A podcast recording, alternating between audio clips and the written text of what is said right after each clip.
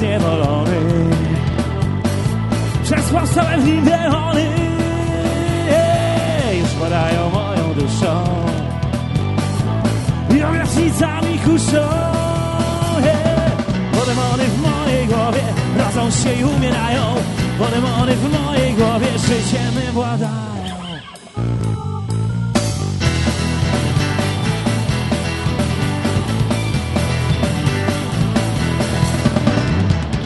rusza się w niewoli Ból ustępuje powoli. Granice świata tego Znaczenia nie mają żadnego. Bo demony w mojej głowie rodzą się i umierają. Bo demony w mojej głowie życiem my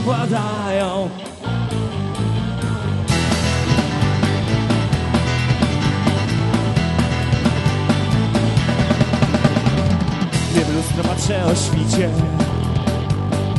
Znów widzę obce oblicze Zmęczone z obłędem w oczach. Po kilku nieprzespanych nocach!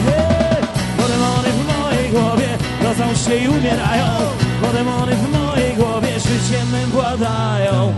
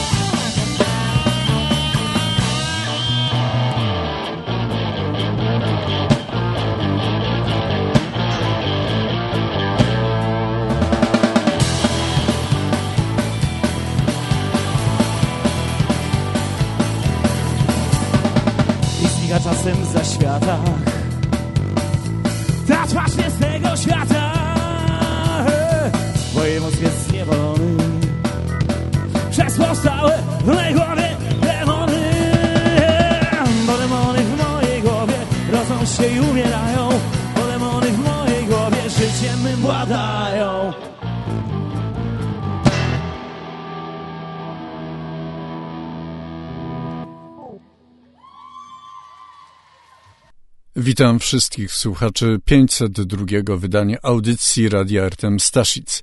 Rozpoczął je zespół Zorbas Band piosenką Demony. A w tym wydaniu, bardzo obszernym wydaniu, usłyszymy relacje z uroczystości 75. rocznicy wybuchu Powstania Warszawskiego, reportaż z 16. biesiady archeologicznej w Masłomęczu, oraz wakacyjną powtórkę felietonu historycznego pani Heleny Bojarczuk z roku 2012 poświęconego pamięci pani profesor Marii Nemetti. Tak więc przenosimy się teraz na plac przed Hrubieszowskim Domem Kultury, gdzie tradycyjnie już odbywa się uroczystość upamiętniająca wybuch Powstania Warszawskiego. Pierwszy dzień sierpnia to 75. rocznica wybuchu Powstania Warszawskiego. W Hrubieszowie o godzinie 12 rozpocznie się uroczystość, która będzie upamiętnieniem tego historycznego wydarzenia. Rozpocznie je prezentacja pieśni powstańczych i wspomnień uczestników powstania. Na Hrubieszowskim cmentarzu są pochowani również ci, którzy chwycili za broń w Warszawie.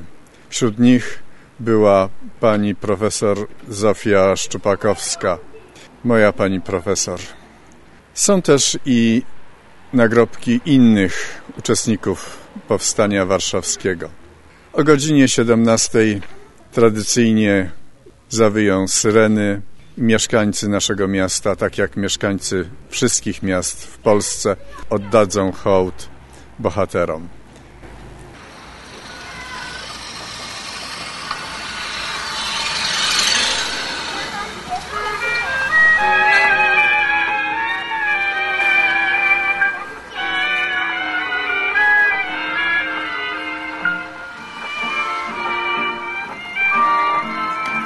Warszawa była y, przepiękna, wesoła. No myśmy byli studentami, byliśmy niezamożni. Cała Marszałkowska od Królewskiej do Placu Zbawiciela to były piękne domy po obu stronach, no i mnóstwo sklepów wspaniałych. Ładne było to miasto. Dobra to była moja wspaniała ulica, e, gdzie całe moje cudowne, wolne dzieciństwo tam się odbywało, bieganie nad Wisłę. Wszyscy wtedy byli weseli. Było bardzo, chodziło się całą noc. Bawił się człowiek całą noc. Mama miała sklep spożywczy, mały sklepiczek na Tarczyńskiej. To były dobre czasy. A może się da? Bo mówią, że się nie da opowiedzieć tego, co się przeżyło, czyli co się zdarzyło. Tymczasem wiemy o wszystkim z opowiadań. To wszystko zresztą jest jakby jednym złudzeniem. Strasznie oklepane powiedzenie. Ale tylko takie mi pasuje do tego, co się wtedy odczuwało. Bo nie trzeba było być aż poetą, żeby troiło się w głowie. Przez wiele lat nie mogłem o tym pisać. Chociaż tak chciałem i gadałem o powstaniu tylu ludziom po ileś razy. A nie wiedziałem, że właśnie te gadania o tym przez tyle lat, bo to jest największe przeżycie mojego życia, takie zamknięte, że właśnie te gadania w ten sposób nadaje się jako jedyny opis mnie powstania. Historia przyszła do mnie, a nie ja do niej. I przyszło się po nas fest.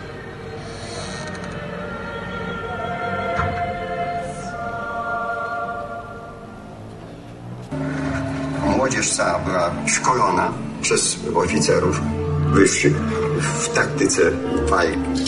W mieście przede wszystkim i w terenie. We wszystkich lasach właściwie większych były szkolone. Tak właśnie rozpoczynają się uroczystości 75. rocznicy wybuchu Powstania Warszawskiego. Tych wspomnień słuchają mieszkańcy naszego miasta, spacerujący naszą główną ulicą. Są też i goście z innych stron Polski. Hrubieszów włącza się w uroczystości rocznicy wybuchu Powstania Warszawskiego.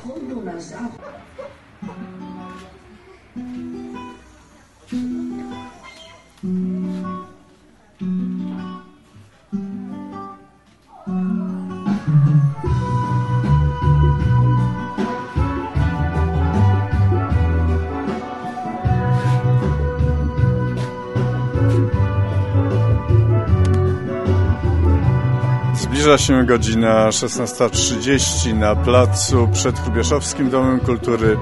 Zbierają się już harcerze, zbierają się mieszkańcy naszego miasta. Będzie o 17.00 tradycyjnie godzina W, zawyją syreny. Tak więc i w Hrubieszowie uczcimy pamięć 75. rocznicy wybuchu Powstania Warszawskiego.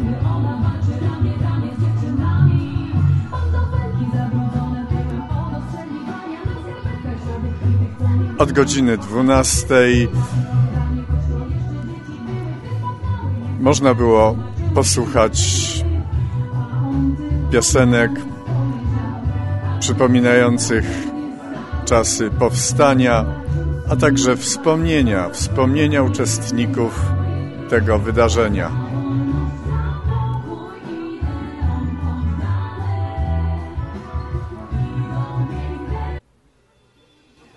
Wśród mieszkańców miasta, którzy przyszli na dzisiejsze uroczystości 75. rocznicy wybuchu Powstania Warszawskiego, zobaczyłem pana w koszulce z 29 biegu Powstania Warszawskiego. Czy mógłby Pan opowiedzieć o tym wydarzeniu? To znaczy w sobotę wyjechaliśmy busem do Warszawy. W sumie nas jechało 9 osób. To znaczy 3 osoby z Hrubieszowa i z powiatu hrubieszowskiego. Pozostałych 6 osób. No i także o godzinie po 22 był bieg właśnie tego Powstania Warszawskiego. Atmosfera niesamowita w ogóle, bo przed biegiem było śpiewanie hymnu państwowego, a później bieg. Przeżycie niesamowite, bo w trakcie biegu właśnie y, w tunelu organizatorzy zrobili nam po prostu takie wydarzenia z okresu walk Powstania Warszawskiego, a więc były tam i, i no, odgłosy karabinów maszynowych, moździerzy, armat, w ogóle no, atmosfera taka była, czuliśmy się jak, jakby to byliśmy w tym centrum tych walk Powstania Warszawskiego. To było rzeczywiście niezwykłe przeżycie. To znaczy, e, rozumiem, że też i uczestnicy biegu z całej Polski.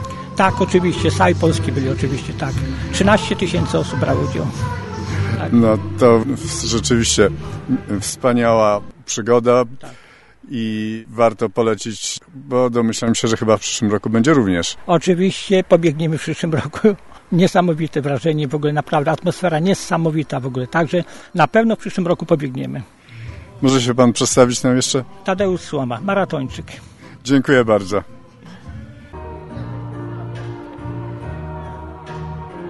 Zbliża się godzina 17 na placu przed Hrubieszowskim Domem Kultury zbierają się mieszkańcy naszego miasta. Harcerze stoją już w szyku. Właśnie nadjechał samochód, wóz bojowy Straży Pożarnej z OSP Chrubieszów.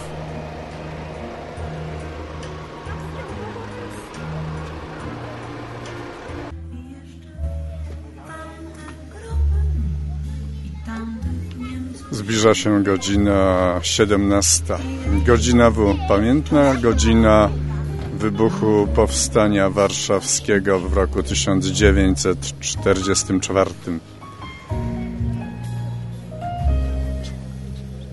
Dosłownie za dwie minuty, tak jak w całej Polsce i w Hrubieszowie, rozlegną się syreny.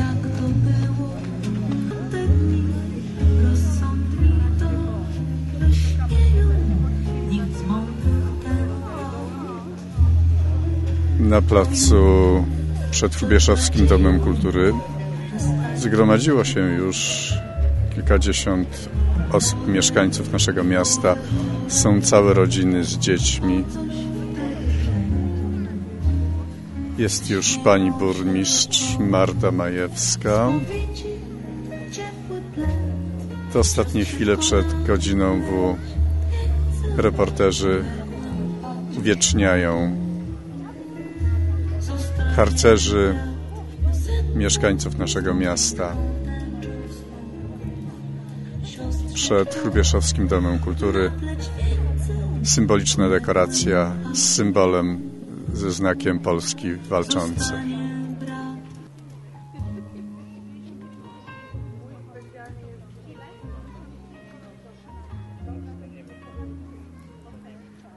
Zbliża się godzina 17.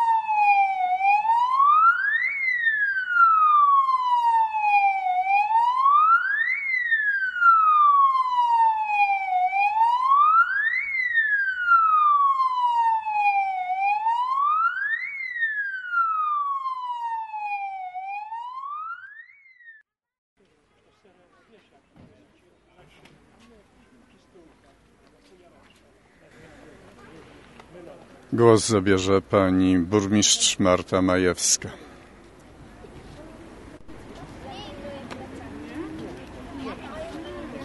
Pierwszy sierpień 1944 roku.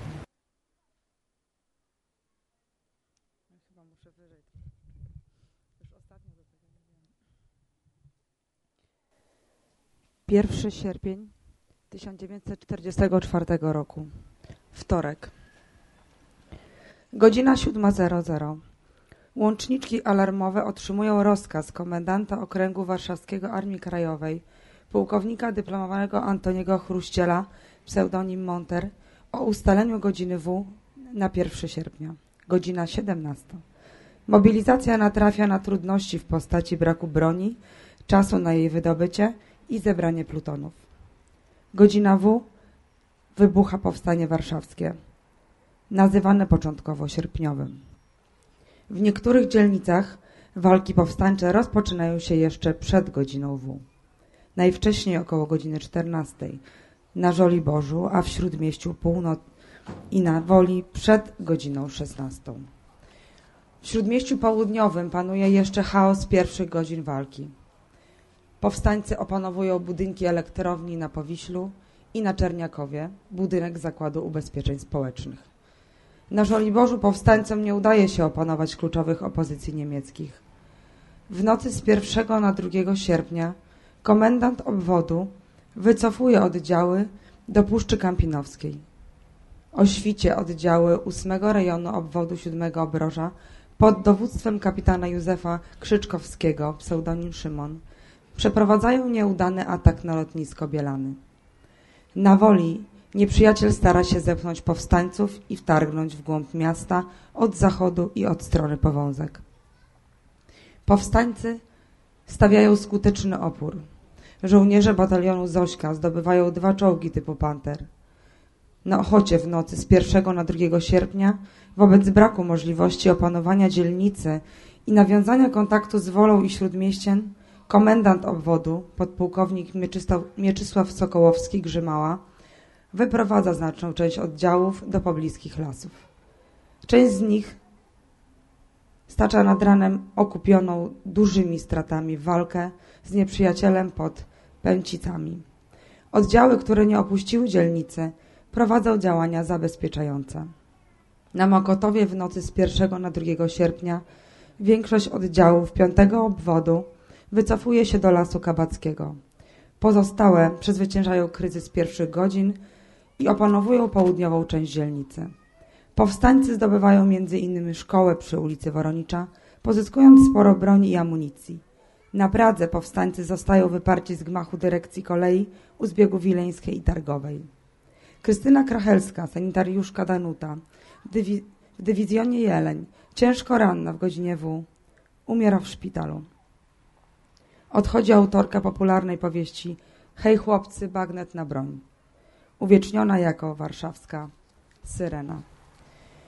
Szanowni Państwo, ja bardzo dziękuję w dniu dzisiejszym za obecność. Wszystkim Państwu, którzy znaleźliście czas, czcząc pamięć tych, którzy 75 lat temu nie zadawali pytań, nie analizowali, tylko szli z bronią w ręku, będąc znacznej mniejszości i utrzymując wolę walki przez 63 dni, choć początek nie taki był przez nich zaplanowany.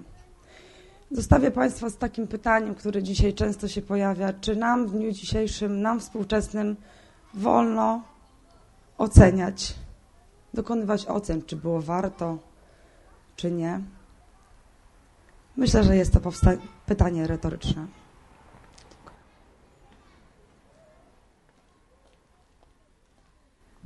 Bardzo serdecznie dziękujemy Państwu za tak liczną obecność dzisiaj, aby oddać cześć tym, którzy 75 lat temu walczyli w naszej stolicy o to, żebyśmy dzisiaj byli wolni. Zapraszamy Państwa bardzo serdecznie na film.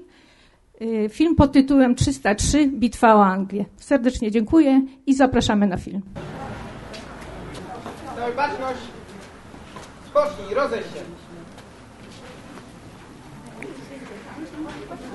Zakończyła się część oficjalna dzisiejszej uroczystości.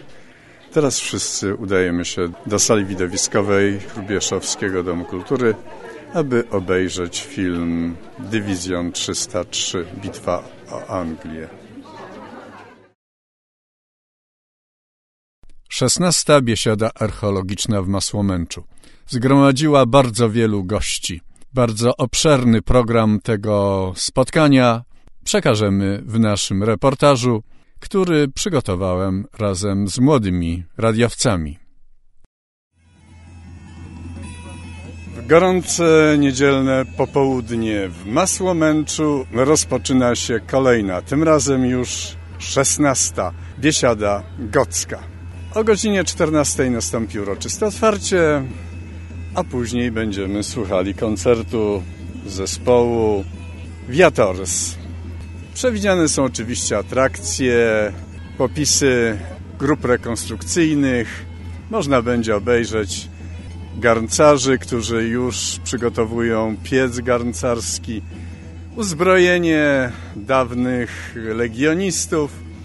Atrakcji będzie wiele, tak więc nasz reportaż z tego wydarzenia zapewne zainteresuje Państwa, a pomagać mi dzisiaj będą również młodzi radiowcy Bogumił Jakubowski i Sebastian Jakubowski, który już jest profesjonalnym radiowcem pracującym w Radiu Centrum w Rzeszowie.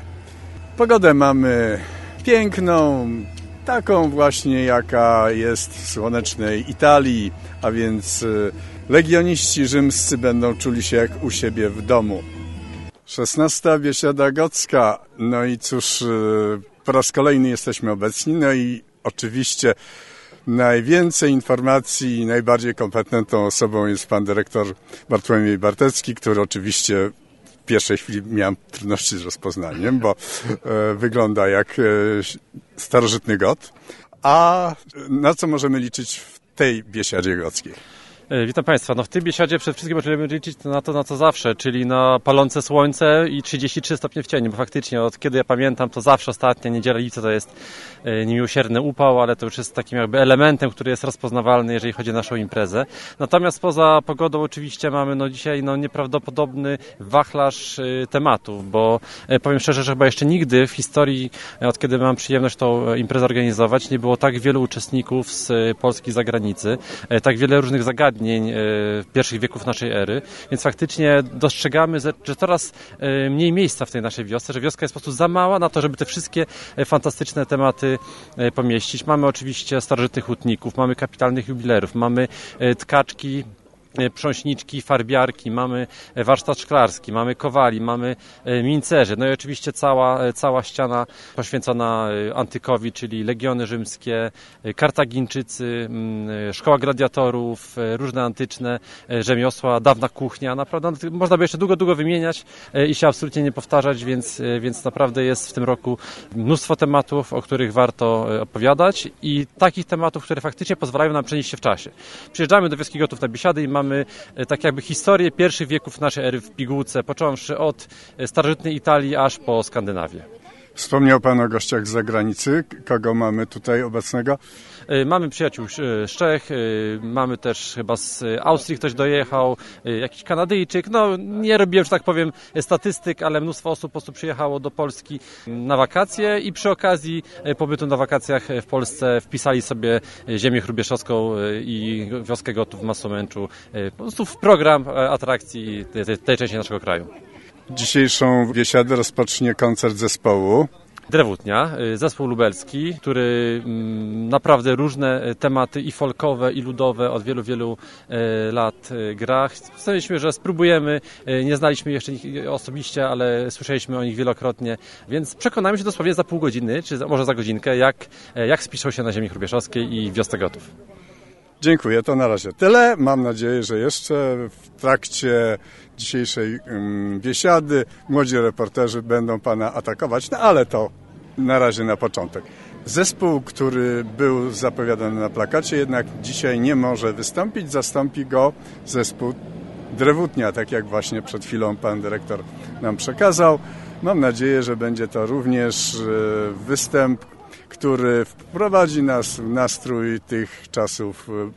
Jeszcze przed naszą erą, tak? Znaczy jest to bardzo trudne, bo w ogóle odtwarzanie muzyki antycznej to jest no, wyzwanie dla zespołów na całym świecie, więc e, powiedzmy sobie wprost, zespoły, które do nas przyjeżdżają, to odtwarzają muzykę bardziej na instrumentach, które mogły być wtedy, niż faktycznie konkretne brzmienia czy konkretne e, linie melodyczne, więc tutaj będą oczywiście stare instrumenty, ale no, muzyki gockiej nie usłyszymy, po prostu jej nie znamy. No, wtedy jakoś nie, nie zapisywało się tych nut, e, przekazywano to chyba z ojca na syna te umiejętności i te melodie, więc dzisiaj ciężko jest to odtwarzać. Tak, no ja sądzę, że najmłodsi słuchacze nie uwierzą, że wtedy jeszcze nie było Facebooka. Ani Facebooka, ani MP3, ani wielu, wielu innych rzeczy. Wszystko było przekazywane na zasadzie mm, opowieści z pokolenia na pokolenie, zachowania różnych wydarzeń w pamięci i tak przekazywano tradycję. Dziękuję bardzo. Dziękuję również. Nigdy nie wątp, że mała grupa rozważnych, obywateli może zmienić świat właśnie to jedno coś kiedykolwiek zmieniło.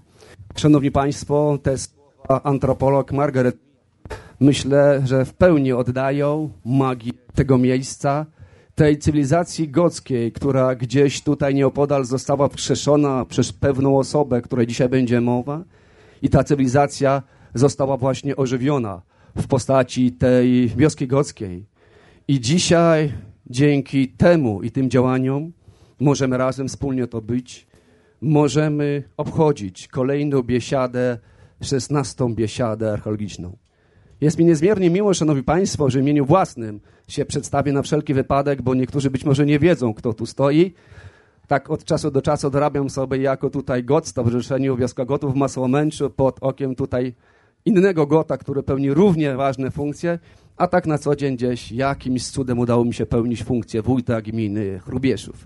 Więc pozwólcie, szanowni państwo, że tutaj w imieniu własnym, jako wójt gminy Chrubieszów, w imieniu Rady Gminy Chrubieszów, gdzie jest tutaj nasza rada prezentowana przez przewodniczącą Rady Gminy, panią Anetę Dąbrowską, w imieniu dyrektora muzeum, imieniem księdza Stanisława Staszica w Chrubieszowie, które jest reprezentowane przez obecnego tutaj dyrektora muzeum, pana Bartłomieja Barteckiego, który właśnie też jest na co dzień dyrektorem, a w inne dni tygodnia właśnie jest gotem jak i również w imieniu Stowarzyszenia Wioska Gotów w Masłomęczu, jako organizatorzy chcielibyśmy Państwa bardzo serdecznie powitać na 16. biesiadzie archeologicznej tutaj właśnie w Masłomęczu. Nie byłoby tego wszystkiego też, żeby jeszcze nie ta wspaniała miejscowa ludność z Masłomęcza, możemy tak to powiedzieć, o której w swoim czasie wiele tu mówił zacny nasz gość, którego za chwileczkę będziemy witali, którzy tutaj z nami to sporganizują czyli Rada Sołecka Wsi Masłomęcz, Koło Gospodyń Wiejskich Wsi Masłomęcz, jak i również Ochotnicza Straż Pożarna. Cieszymy się, Szanowni Państwo, że możemy tutaj wszystkich Państwa gościć. Jest nam również niezmiernie miło, że w tym roku tą biesiadę patronatem honorowym objęły takie osoby jak. Pozwólcie Państwo, że te pozostałe dwie osoby wymienię trochę później, a na początku pozwolę sobie Państwa poinformować, że przede wszystkim patronatem honorowym 16. biesiadę archeologiczną właśnie tutaj w Masłomęczu objęła obecna tutaj pani starosta powiatu chrupczewskiego, pani Maryla Symczuk, którą bardzo serdecznie, szanowni państwo, witamy. Wiecie Państwo, że zgodnie z taką tradycją nasza biesiada ma trochę tutaj charakter niekonwencjonalny i możemy Państwu powiedzieć, że Pani starosta za rok prawdopodobnie też stanie obok nas w takim stroju. Już się zdeklarowała. Nie, nie, nie w takim. A, zaraz, no właśnie, nie w takim stroju. Znaczy miałem na uwadze właśnie strój gocki, Panie Bartku, tak? Czyli typowy strój kobiecy. Na, nad tym popracujemy. Dobrze, nad tym popracujemy. Również, Szanowni Państwo, właśnie patromat honorowy nad tą biesiadą objął również przewodniczący Sejmiku Województwa Lubelskiego, pan Michał Mulawa, który z informacji pani starosty prawdopodobnie wiemy, że przybędzie, jak i również, Szanowni Państwo, marszałek województwa lubelskiego, pan Jarosław Stawiarski. No, wiecie Państwo, jak to bywa na bardzo poważną uroczystość, jeżeli chodzi patronów, to to jest zobowiązanie, a więc co za tym idzie. I chciałem Państwa też poinformować, że patroni również tutaj objęli nas patronatem i również finansowym, za co Pani Starosto serdecznie dziękujemy za wsparcie tej naszej biesiady archeologicznej. Ale pozwólcie Państwo, że jeszcze przywitam kolejne osoby. Myślę, że swoje perspektywy mogę powiedzieć o tych zwanych takich darczyńcach i dobrodziejach naszej ziemi chrubieszowskiej, tutaj tego miejsca, gdzie tak naprawdę tego wszystkiego oprócz właśnie wymienionej tutaj społeczności Masumęcza, by nie było, ale są tu między nami właśnie dwie zasłużone osoby i pozwólcie Państwo, że powiem o tych dobrodziejach naszej ziemi chrubieszowskiej, naszej gminy Chrubieszów i naszego Masłomęcza. Ktoś kiedyś powiedział, a dokładnie ta osoba, że archeologia to jest taka nauka, gdzie współbrzmiewa w niej wiele różnego rodzaju muzyk, które pod okiem czy batutą szalonego dyrygenta tworzą wspaniałe dzieła. Przykład powiedziała ta osoba ziemi chrubieszowskiej, Masłomęcza, to jest właśnie ta archeologia, piękna muzyka, która pod okiem dyrygenta rozwija się wspaniale. Witamy właśnie tego szalonego dyrygenta, który jak ostatnio rozmawiałem, ma inne marzenia, a żeby je zrealizował, to mamy dla tej osoby taki oto załącznik, który być może będzie realizował jeszcze na innych, w innych miejscowościach naszej gminy Chrubieszów, ale tego rąbka tajemnicy nie będziemy uchylali. Witamy serdecznie pana profesora Andrzeja Kokowskiego. Serdecznie, panie Andrzeju, witamy. Mogę powiedzieć, tak jak mój wójt poprzednik właśnie mówił, serdecznie naszego przyjaciela ziemi chrubieszowskiej. Serdecznie również witamy drugą tą osobę, tego dobrodzieja darczyńcy, bez którego tego miejsca by nie było. Serdecznie witamy pana Jana Mołdeckiego, wójta seniora naszej gminy Chrubieszów. Serdecznie witamy. Bartek tutaj do mnie porozumiewawczo mrugnął okiem. On nie ma jeszcze tego komfortu, żeby ewentualnie w taki sposób podpowiadać, ale chłopak wie, co jest na rzeczy, bo zapomniałem, tak Bartku, masz rację o małżonkach jeszcze tych panów, nie? A Bartek wie, że te małżonki są bardzo postacie. Dobrze mu mówić przecież, on państwo jest kawalerem, to może sobie pozwolić na mrugnięcie okiem. Zobaczymy, kiedyś inaczej porozmawiamy, Bartku. Serdecznie witamy również tutaj małżonki zastnych, tutaj panów. Panią Ewę Kokowską serdecznie witamy, małżonkę pana profesora Kokowskiego jak i również żonę pana wójta, panią Romualdę Mołodecką. Serdecznie witamy. Teraz pozwólcie, że również przydam, przywitam zacnych naszych gości, którzy przybyli tutaj na naszą biesiadę.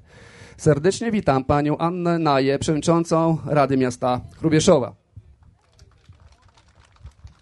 Serdecznie witam panią Annę Kusiak-Janiec, dyrektora oddziału regionalnego Agencji Restrukturyzacji i Modernizacji Rolnictwa w Lublinie i oczywiście już wymienioną serdecznie witam naszą przewodniczącą Rady Gminy Chrubieszów, panią Anetę Dobrowską wraz z radnymi.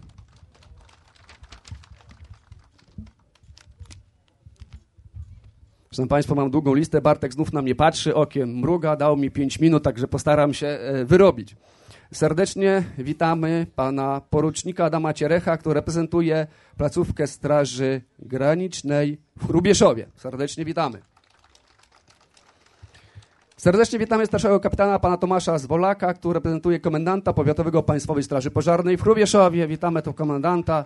Chcąc nie, chcąc nie chcąc, podwładni pana komendanta tutaj pracują. Właśnie przed chwilą przejeżdżali tutaj na sygnale, żeby dbać o bezpieczeństwo mieszkańców naszej gminy, chyba dokładnie Maschomęca.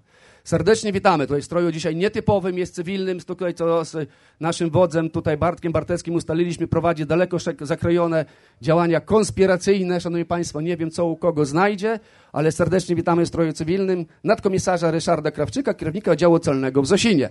A jest, jednak z nami tutaj jest. Na razie tutaj na ławce siedzi, chyba zaraz będzie sobie dalej spacerował.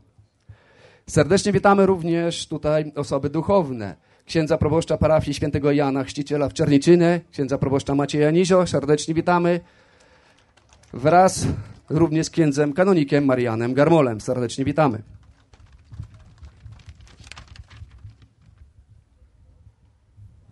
Nadleśnictwo Strzelce, szanowni państwo, reprezentuje pan Adrian Borsukiewicz, pana nadleśniczego, pana Mariusza Nagodzkiego. Serdecznie witamy panie Adrianie i wiemy, że mamy tutaj z panem dyrektorem, tak?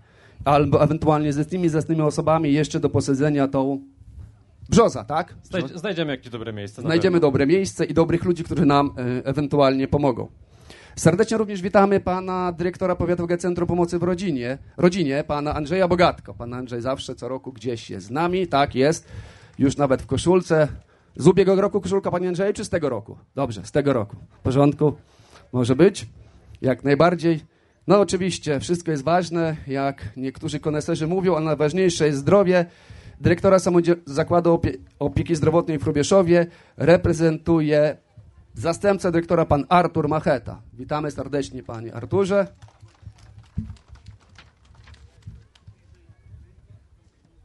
Jeszcze również jest z nami pani Anna Wilkos, kierownik Biura Powiatowego Agencji Restrukturyzacji i Modernizacji Rolnictwa w Hrubieszowie, ulica Nowa. Jakby ktoś z Państwa nie wiedział, serdecznie zapraszamy, bo są tutaj bardzo poważną instytucją, która świadczy pomoc dla rolników. Serdecznie witamy również tutaj na naszej biesiadzie pani Joanna, Joannę Pietnoską, kierownika placówki Bank BGŻ Paribas, tak? W Hrubieszowie, pani Joanna Pietnoska. Per- Pani dyrektor, serdecznie witamy. Wiem, gdzie z nami tutaj pani dyrektor była, zawsze wspiera naszą gminę Hrubieszów. Szanowni Państwo, właśnie już mi się lista skończyła, a więc pozwólcie, że jeszcze bardzo serdecznie chciałbym wszystkich powitać pozostałe osoby, bo również z panią przewodniczącą są radni naszej Rady Gminy Hrubieszów. Serdecznie właśnie witamy. Serdecznie witamy tu obecnych naszych sołtysów gminy Hrubieszów, wszystkich zaproszonych gości, szanowni państwo. Miejmy nadzieję, że ta właśnie kolejna, szesnasta biesiada archeologiczna zapadnie po raz kolejny na dobre u państwa w pamięci. Myślę, że to tylko nie jest taka moda, jak w swoim czasie niektórzy mówili naukowcy, jeżeli chodzi o tę archeologię. Ale tak naprawdę, jak mówił pan profesor Kokowski, zapewne będzie mówił, głos zabierał, Tutaj w Masłomęczu ta archeologia to jest prawdziwa, albowiem nie tylko ona objawiła się, czy też objawia w tych wszystkich wykopaliskach, ale tak naprawdę jak w niewielu miejscach w Polsce, albo może tylko jednym, jedynym w taki sposób się objawiła, nie tylko w postaci powstania tej wieloobrzędowej grupy gockiej, ale myślę, że tak naprawdę to pojawiła się w sercach tej grupy i w ludziach. I my tutaj, mogę powiedzieć tak, goci, w pewnym sensie my Słowianie, chcemy to wielkie dzieło starożytności tego ludu, ludu gockiego kontynuować, przenosić je do współczesności i na bazie tego promować te osiągnięcia naszej ziemi chrubieszowskiej i naszej gminy Chrubieszów. Dziękuję Państwu bardzo za uwagę i życzę wspaniałego biesiadowania w Masłomęczu w gminie Chrubieszów. Dziękuję bardzo. Szanowni Państwo, ja pamiętam, jak chyba 11 lat temu po raz pierwszy brałem udział w organizacji Biesiady Archeologicznej w Masomęczu. To wszystko się rozgrywało po drugiej stronie ulicy, pod tamtą malutką, pojedynczą chatką. Było chyba może z 60, może 100 osób, e, głównie tutaj z naszej miejscowości. E, chyba kilku rekonstruktorów i w zasadzie tyle. W ciągu 10 lat e, no, wykonaliśmy pewne kroki, które powodują, że dzisiejsza impreza jest jedną z największych imprez antycznych w tym momencie w roku w całym, w całym kraju.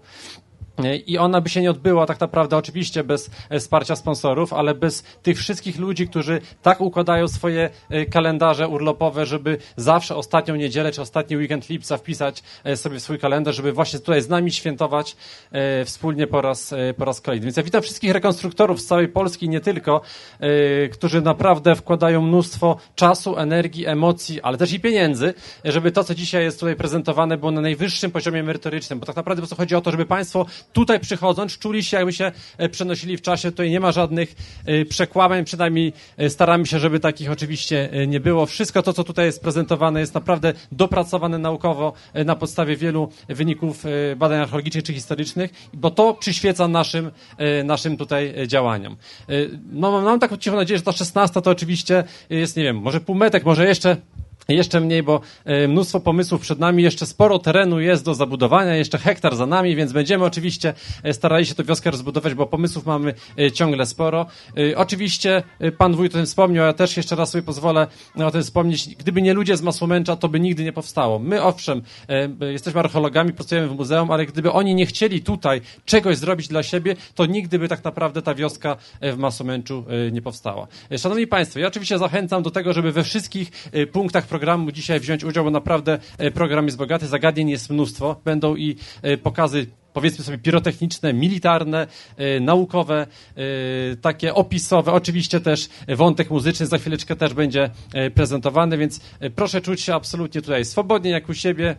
E, Nawet jakby ktoś bardzo chciał, to można pamiątkowy tatuaż sobie historyczny zrobić, więc naprawdę są, są możliwości, e, z których e, zachęcam, żeby Państwo oczywiście korzystali. Więc dziękując za uwagę, oddaję głos szefowej, pani starosto. Tu może jeszcze chwileczkę zapraszamy panią Marylę, jak najbardziej panią, panią starostę. Jeszcze pozwólcie, że państwo, no właśnie idzie dostojnym krokiem pani starosta, aczkolwiek e, też my jako Goci, Bartku, po e, twoim stylu, jak zawsze mi tego uczyłeś, trzeba prowadzić takie działania tam rozpoznawcze. No wiadomo, dzisiaj e, pan wójt Mołdecko, jako radny Rady Powiatu, członek zarządu jest po naszej stronie, nie po stronie starosty, ale dlaczego ty mówię? O tym mówię, wiedzę, są radni Rady Powiatu, już może nie będę witał z imienia nazwiska, tam pan radny Marcin Zają stoi i gdzieś tak obstawia, widzę panią starostę, także widzę pan jest... Słucham? O właśnie, zaraz będziemy witali takiego zacnego gościa, który powoli do nas zmierza, już tak takim swoim okiem bacznego obserwatora życia publicznego e, patrzy na nas, ale pozwólcie, zanim tą osobę powitam, jeszcze przywitam jedną osobę. No właśnie, tutaj taka jest sytuacja, czasami człowiek zapomina. Bartek, jak ten się pan nazywa? E, Krzyż Pański? Nie, zaraz. E, Krzyżewski chyba, właśnie, panie Jurko. Zapomniałem normalnie o panu, pan mi wybacza. Właśnie, schował pan się gdzieś za takie ładne Witamy dziewczyny serdecznie. i skupiłem swój wzrok na tych paniach z pierwszego właśnie tutaj rzędu. Jurko, przyjaciel drogi, wybacz, serdecznie witamy również tutaj naszego Nestora Ziemi Chrubieszowskiej, przyjaciela archeologii pana Jurka Krzyżewskiego. Niemniej jednak myślę, że pani starosto razem wspólnie również wszyscy z panem dyrektorem powitamy, zaprosimy do naszego grona patrona tutaj honorowego również, który objął swoim patronatem tą 16. biesiadę archeologiczną i który do, do nas tutaj przybył. Jesteśmy naprawdę bardzo zaszczyceni, szczęśliwi, tym bardziej, że ta osoba wspierała nas w tym bardzo, żeby za tym jeszcze patronatem poszła ta wdzięczność, że tak się wyrażę. Nie będę mówię, bo dżentelmeni o tych sprawach nie mówią. Chociaż, Ale na pewno wymierna. ale na pewno wymierna. Już my się z tym panem, tak się wyrażę, przy wsparciu gotów w porach, znaczy policzymy, że tak się wyrażę. Niemniej jednak, szanowni państwo, bardzo serdecznie zapraszamy do nas tą osobę, która również objęła patronatem honorowym dzisiejszą naszą biesiadę i zaszczyciła nas swoją obecnością. Cieszymy się bardzo. Serdecznie witamy pana Michała Mulawę, przewodniczącego Sejmiku Województwa Lubelskiego. Serdecznie Michale, witamy i dziękujemy ci za twoją obecność i zapraszamy tutaj do naszego grona.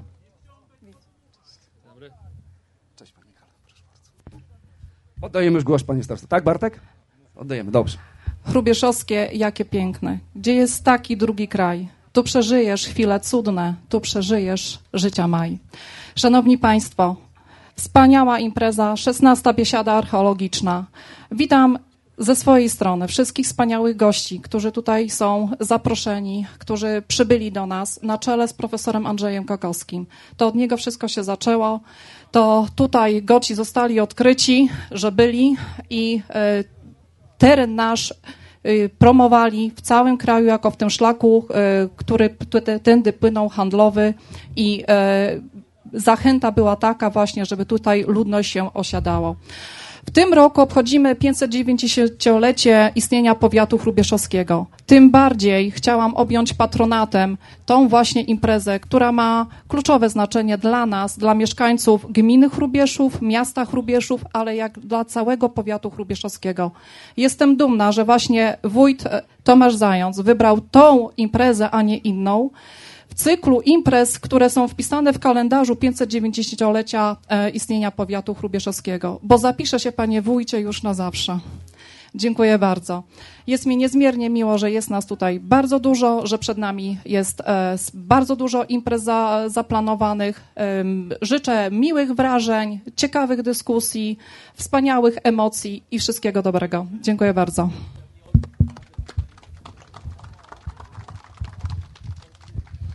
Panie starosto, panie wójcie, dzisiaj się kolega Tomek, tak, e, ja czuję się nieprzygotowany, jak on jest tak przebrany, więc...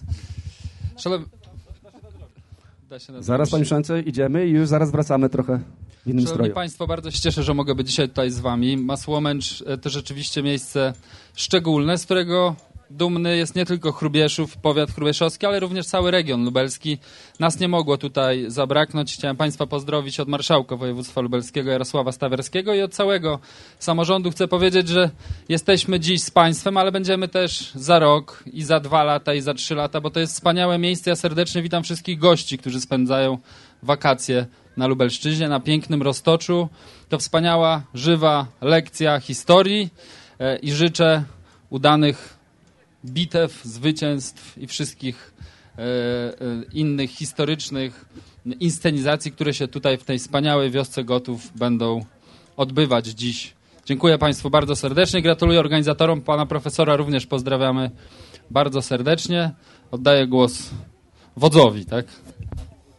To znaczy wodzowi gminy, a dzisiaj to trochę pan tutaj Bartek Bartecki rządzi, rządzi tak? No, panie przewodniczący, nie wiem, tutaj Bartek może się wypowiedzieć, to zazwyczaj wszyscy o tym wiedzą, ale to jest rzecz chyba warta podkreślenia, tak? Panie Bartko, o czym powiedział pan przewodniczący, jeżeli chodzi o te e, walki, boje i tak dalej, tak, że tak naprawdę to Goci były pierwszym ludem barbarzyńskim, tak, który zdobyli? Złupił Rzym. Złupił Rzym, dokładnie tak, 25 sierpnia 400... Czwartego, o, dzień się pomyliłem już ja, mi ja pamię Pamiętam, bo ja mam dwa, wtedy imieniny, Bartłomieja. Dokładnie 410 rok, tak? Martku, właśnie, szanowni państwo. To świadczy o tym, że Goci byli potęgą. A tą, szanowni państwo, potęgę wskrzesił na naszej ziemi nie kto inny jak pan profesor Andrzej Kokowski.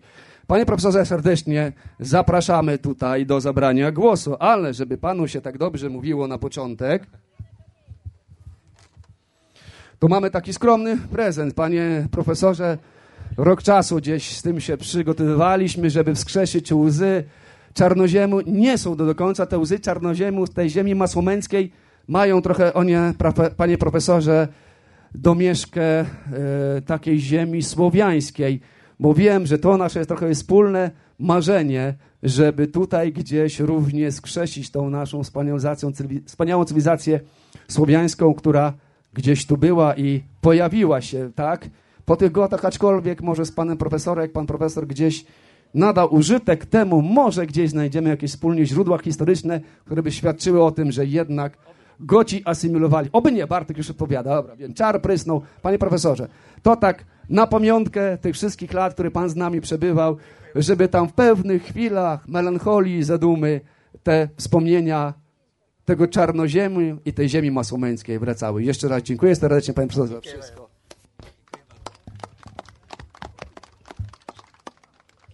Dziękuję, dziękuję szanowni państwo. Przepraszam. I dla dopełnienia, panie profesorze, już wręczę jeszcze kwiaty pani Małżonce. Ewie i Super. szanowni państwo, wiemy, że archeologia będzie w dalszym ciągu kwitła naszej ziemi chrubieszowskiej. Y, Ja już się boję, że Państwo mnie macie dość, ponieważ co roku muszę coś tego opowiadać. Y, Mało mam już pomysłów na coś oryginalnego. Jestem w takim wieku, że mnie na przykład cieszy już to, że jeszcze widzę tutaj Jurka Krzyżewskiego, że jeszcze widzę księdza kanonika Gar Garmola, który był przez, przez y, całe nasze wy wykopaliska dobrym duchem y, nie tylko miejscowości, ale również ar archeologów, że widzę mojego przyjaciela Jana Mołodyckiego w, do w dobrej formie. To są te takie radości, które w tej chwili docierają do mnie najłatwiej. Y, Chcę też Państwu powiedzieć i oświadczyć, że od pierwszego y, spotkania z panią sta starostą polubiliśmy się, co jest bardzo istotne, ponieważ to oznacza, że y, perspektywa Gotów i wioski gockiej jest y, uratowana i będziemy starali się y, czynić coraz więcej dobrego. Zresztą wioska, która ma taką opiekę, opiekę merytoryczną, jaką sprawuje świetne muzeum y, chrubieszowskie, to jest właściwie dar z nieba. Y, Nie przeciągając, chciałem Państwu powiedzieć, że y, z małżonką wpisujemy imprezę masłomencką do kalendarza obok dwóch najważniejszych świąt. Y, Wigilia, Wielkanoc, Masłomęcz. Nawet naszą rocznicę ślubu y, przesuwamy troszkę dalej w kalendarzu. Jest to dla nas y, nie tylko wspomnienie naszej młodości, no bo tutaj z małżonką się poznałem, ale jest to przede wszystkim nieustająca radość z tego, co się tutaj dzieje. Cieszymy się y, tą wioską gotów, cieszymy się z przyjaźni ludzi, którzy nas tutaj spotykają, witają się z nami, pamiętają nas. Cieszymy się z tego, że Państwo tutaj po prostu jest, jesteście. Jest to dla nas niesamowite przeżycie i co roku czekamy na ten moment, kiedy tutaj możemy przyjechać. A teraz troszkę sensacji. Powiem Państwu, że odkrycia w Masłomęczu stały się w świecie tak cenne, że nawet sławni profesorowie starają się kraść odkrycia z Masłomęcza.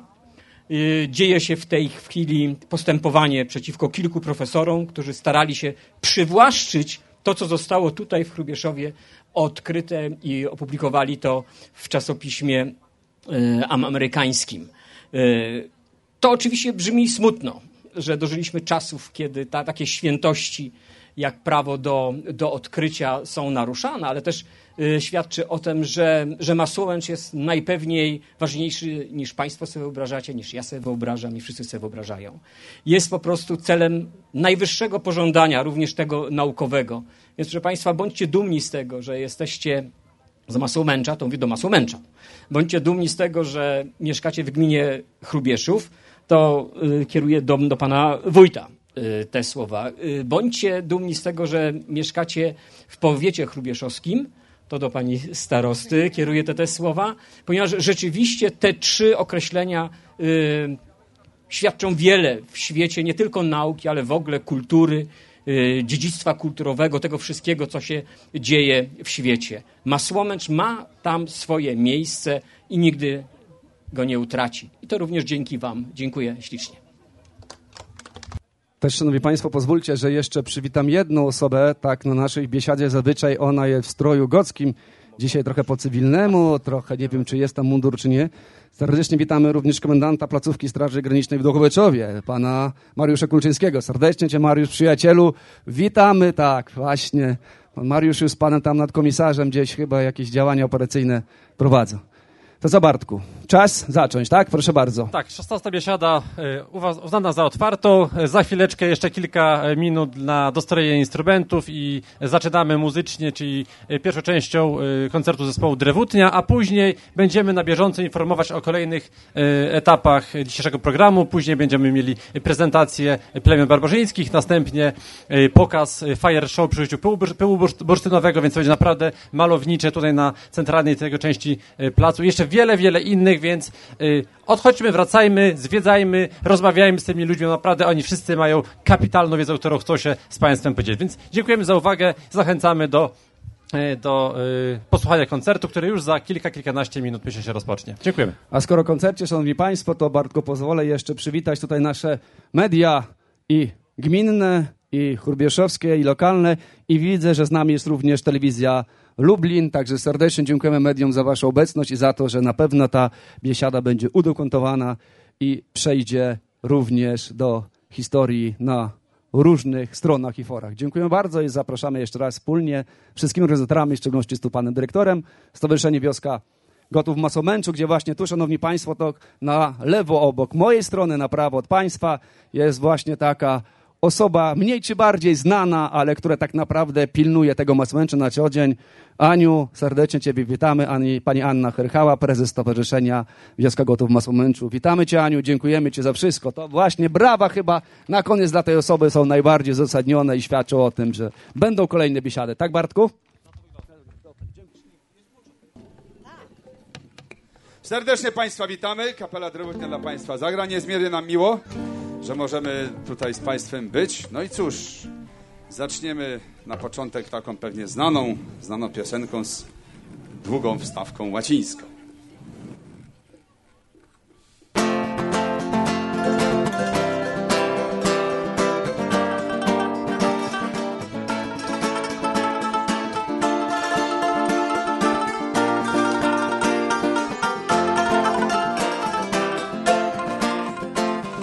Gallia est omnis divisa in parte stress Valomuna in corium de Belgalia Macfitani Tertiam quiv sortinga celta stragaria pelantur. Ave Cesar moritur te salutant. Nad Europą twardy krok legionów grzmi. Nieunikniony wróży koniec republiki Gniją wzgórza galijskie w pomieszanej krwi, a Juliusz Cezar pisze swoje pamiętniki. Galia Estonia zdryza in parte stres, Valomona in colion de Belgaria Macvitani, Ercian quid sortingo celta nastra Galia pelantur, Ave Cezar moritur te salutam. Gdy zdobędziemy cały świat, gwałcić, rabować, szczycić wszelkie pożądania. Proste prośby żołnierzy te same są od lat, a Juliusz Cezar milcząc zabaw nie zabrania. Galia est omnis divisa in parte stres, Pelmona in colum de Belgaia Aquitani, tertiam quipsor utinga celta stragaria pelantur, ave Cesar moritur te salutant.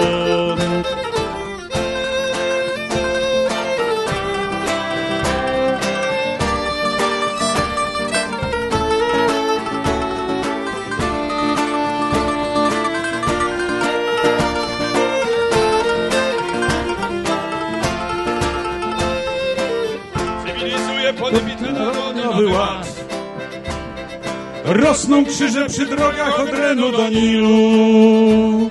Skargą, krzykiem i płaczem rozbrzmiewa cały świat, a Juliusz Cezar ćwiczy lapidarność stylu. Gallia Estonia divisa in partes tres, Parmuna i Kolund Belga, Alia Aquitani, Tertiam quipsor dinga celta stragaria pelantur, Ave Cesar moritur te salutant, Ave Cesar moritur te salutant, Ave Cesar moritur te salutant.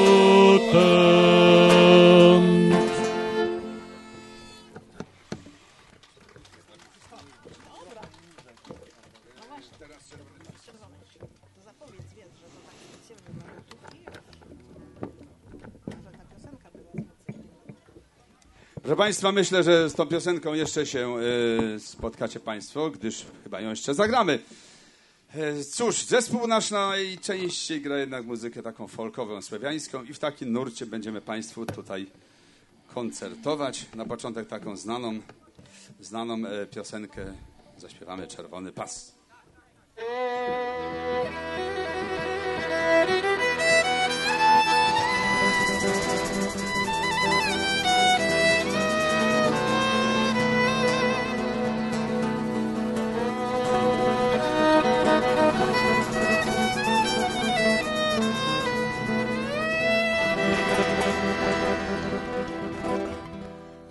Bracia opryszki, alejcie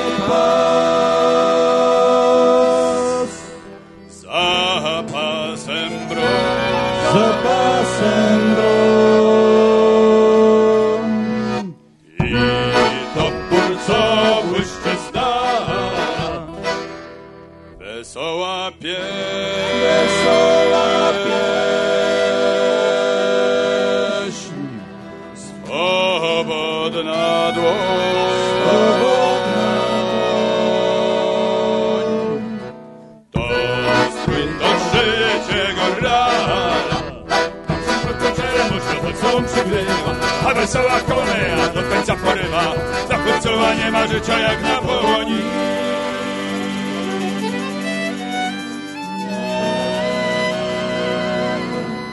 Gdy go losy doły, doły rzucą, nas te zginie, nie ma życia jak na połoni.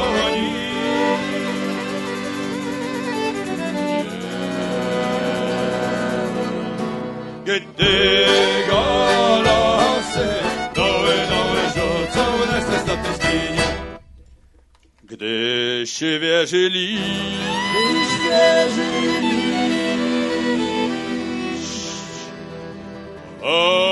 okryje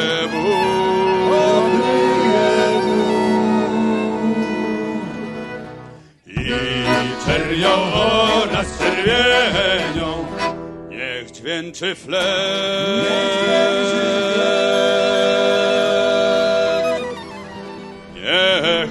krzyczy rum.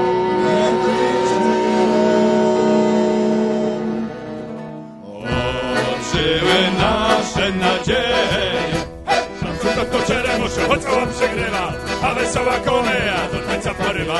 Ta pucowa nie ma życia jak na poni.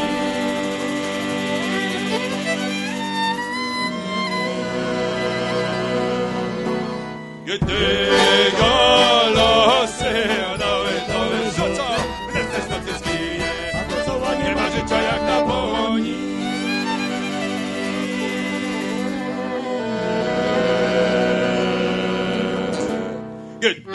Diego.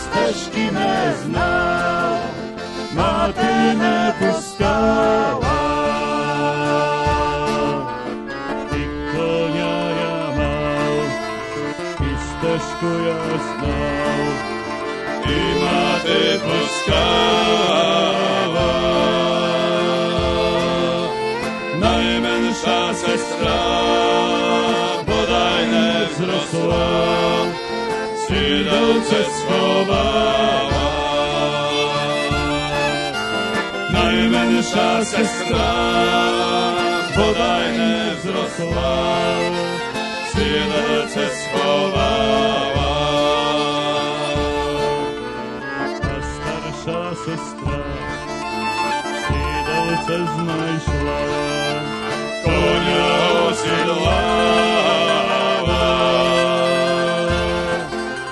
Ой, не брате, нікуди учинений.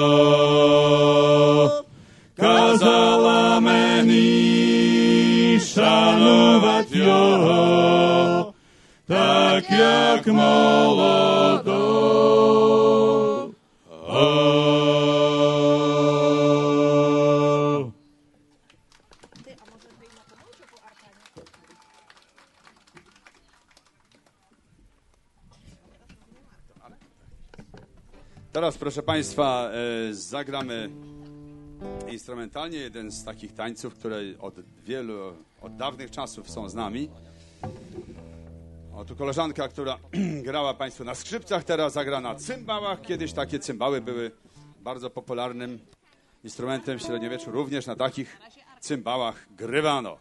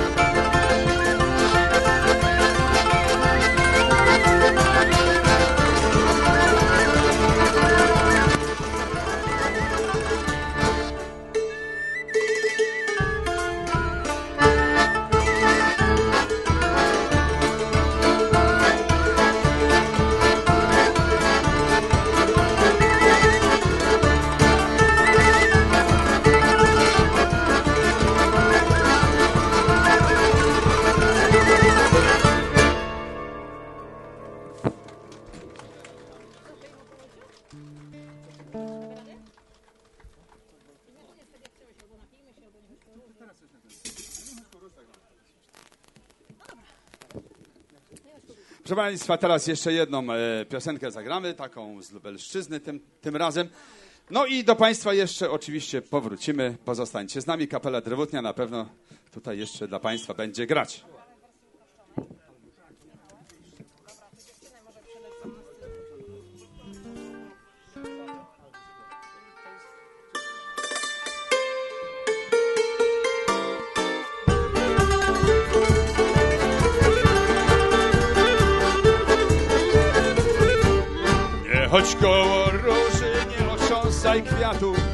Koło róży, nie otrząsaj kwiatu.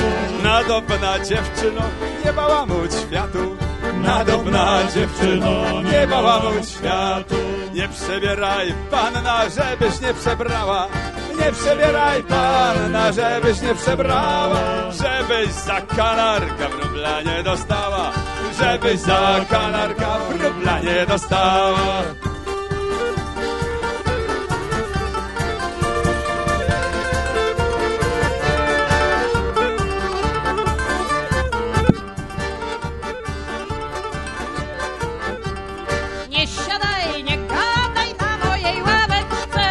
Siadaj, nie gadaj na mojej ławeczce. Bo się nie spodobał mojej rodzineczce.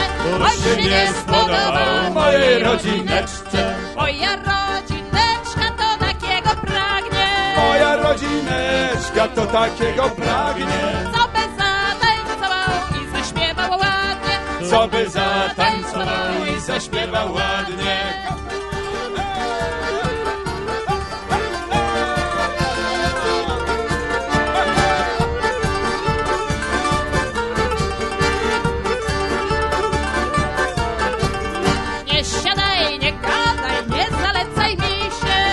Siadaj, nie gadaj, nie zalecaj mi się. Ja majątku nie mam, nie spodobam ci się. Ja majątku nie mam, nie spodobam ci się. Ja ci się nie pytam, czyś majątek miała. Ja ci się nie pytam, czyś majątek miała. Tylko ci się pytam, czy mnie będziesz chciała. Tylko ci się pytam, czy mnie będziesz chciała.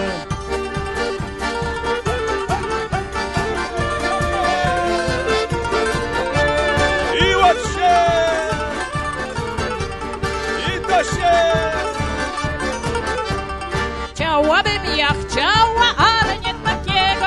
Chciałabym ja chciała, ale nie takiego. Ładnego, zgrabnego chłopca wojskowego. Ładnego, zgrabnego chłopca wojskowego. Te nasze chłopaki jak parowe młyny. Te nasze chłopaki jak parowe młyny. Latają od jednej do drugiej dziewczyny. Latają od jednej do drugiej dziewczyny. Ta ładna, ta zgrabna, a ładna, ta zgrabna, ta z pierścionkami. Ta jeszcze ładniejsza, bo ta z talarami. Ta jeszcze ładniejsza, bo ta z talarami.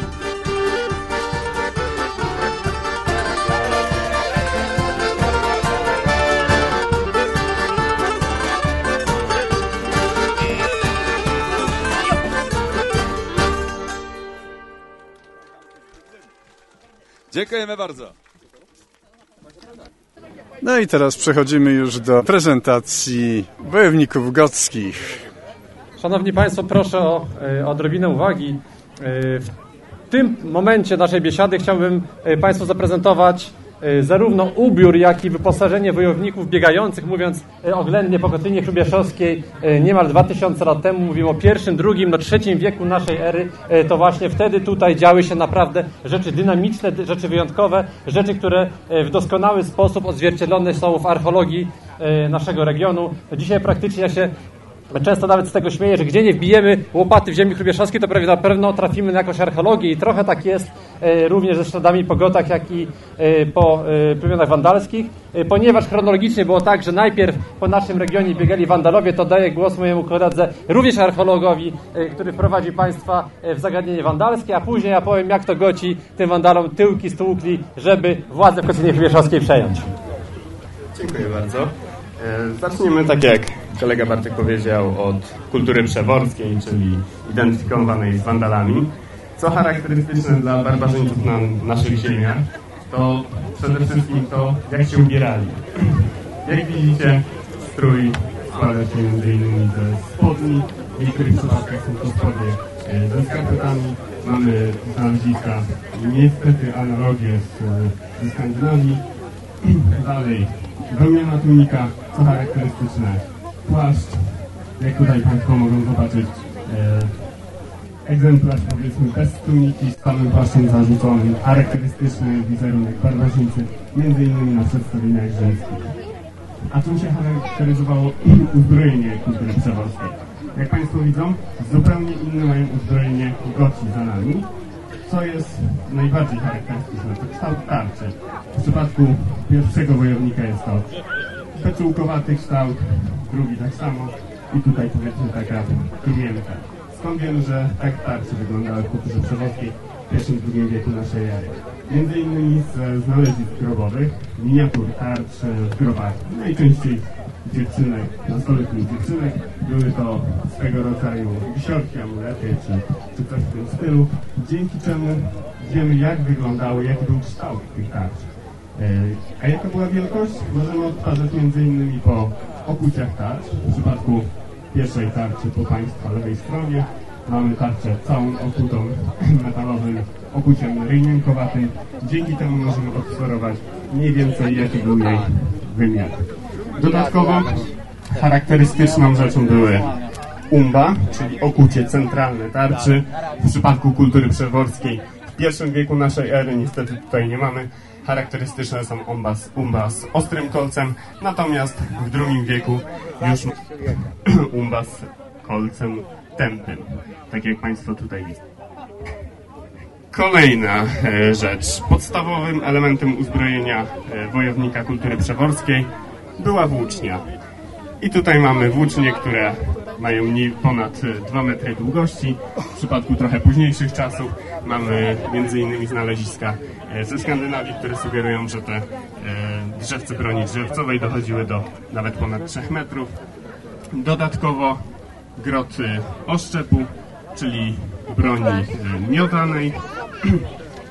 I w przypadku takiej walki wojownik wyrzucał oszczep, a następnie wykorzystywał włócznie do, do walki.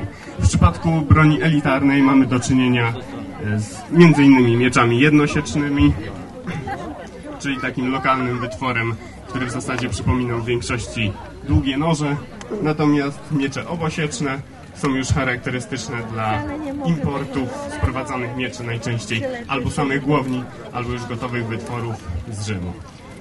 Dodatkowo, jak tutaj Państwo widzą, nie mamy uzbrojenia ochronnego. W zasadzie w kulturze przeworskiej e, uzbrojenie ochronne w formie kolczuk czy, czy hełmów prawie nie występuje. Mamy jeden, jedno znalezisko hełmu e, z kultury przeworskiej z pierwszego wieku przed naszą erą. Jest to e, hełm celtycki i został wykorzystany jako popielnica tak naprawdę.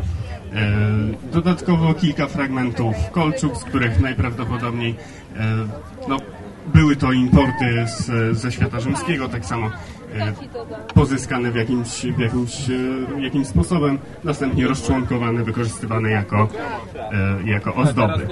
Znamy jeszcze kilka przykładów z kultury przeworskiej, całych kolczuk, ale to są jednostkowe przypadki.